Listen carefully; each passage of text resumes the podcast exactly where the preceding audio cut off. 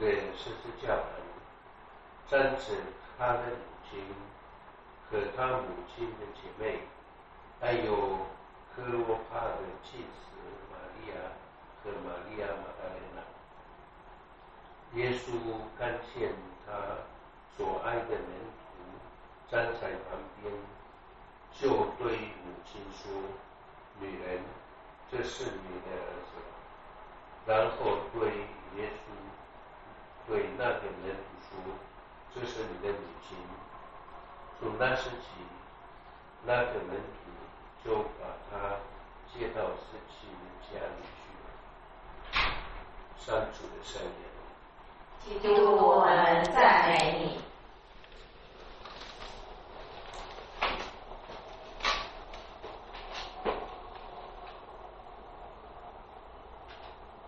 我今天早上问起的情节是圣母，有主和圣母的故事，应该是问主经。如果是母亲节节里也星期六，所以我没有看到福音。我本来有一点希望是你外传福音，我知道那一天，很短的，跟生命有关系。有时候也念用这个，而且他们在念在常年期的人，要念福音的人，也他们安排在一个星期六。怀你的胎吃你的乳的是有。我也在。因为这个是一个百姓的说法，一个普通的的那边的就有那样的一个经验的了，在那个环境当中生一个孩子、养一个孩子了，是什么这么大的事情？所以他觉得他对耶稣就很就只能说这样的一句话：为你的母亲。你确，这个不晓得。中文，中文也有这样的，不过可能是比较不是那么，那可以说平民的，就是比较高级的了。就是皇帝会对一个人对暗淡的祝福，呃，父母啦或者祖父啦说来到了贵族的，所以也有了。不可能在百姓当中没有，就是我们有时候在有的语言的时候，至少以前现在这些都是都要更加小心的。因为不是刚补齐女人就是买鸡翅的，就是说的话就是这个那个，现在应该很小心。不过以前有一个要上面很多一个人是说，生你的母亲，呃，万呃，嗯，就是万寿万岁，而且用的是比较，呃。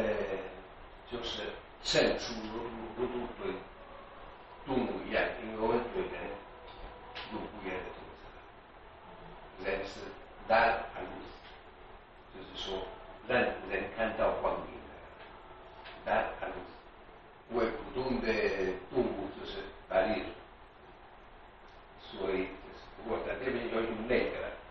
明白了吗？这个打猎。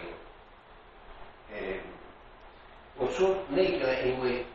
真正的有今天的这个节日的味道。假如要你说这个民族的你的父母了，假如愿意为他们求五谷丰登，那时候要说那样的一句话了。因为大部分的人，其他的人那些比较高级的，根本不知道五谷是什么意思。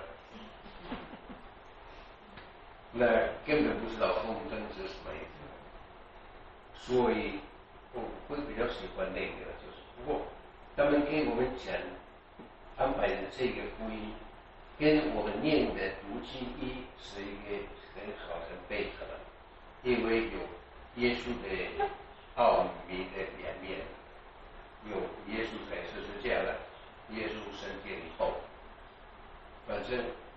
读经二很悲很明显的，我要进入升天。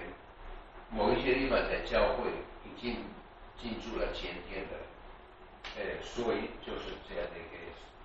我们是生活在耶稣的死亡后，也在耶稣的复活后，升天只是复活的完成了，为我们为我们了解的完成的，而不是什么别的事情。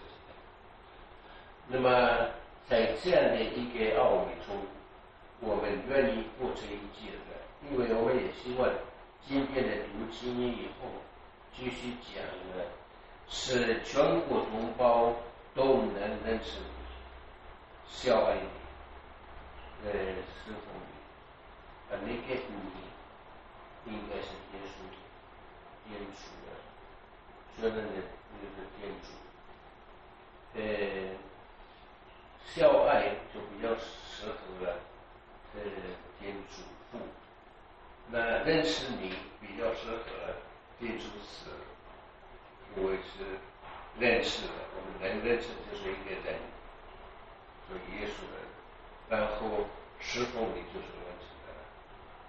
我们在这个接着生活的说基础生活的日子，接着生活和中国的日子，就了解是在基督的奥体内，在一定这个教，我想每一次都会是在复活期，不会无论那么少人进复活期结束的，再也不会有这样子。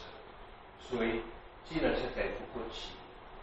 我们就更清楚的了解这样的一个。假如我们看中国历史、教会历史，应该承认那个复印的状况比基督的时候的状况多得多。以时间来算的，就是说教会受迫害的比安全的好得多了，还有多得多。这是一个事实，不是很容易的让这样的一个伟大民族了，能以民族的身份，全部的接受了事实下的奥秘的。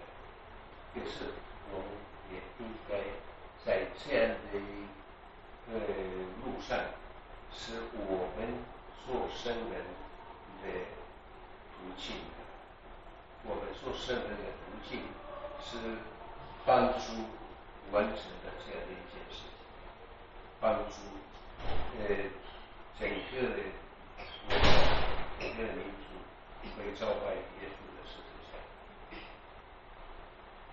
反正今天早上我要讲的道理只有一句话了，也就是说，不要害怕做神人，不要以为这个名字是太太伟大的。不要害怕做圣人，因为假如你们做圣人，那全国呢会接近。这是我们的贡献，也才能要以并尽本分的态度呢，也以我们合作的精神实行。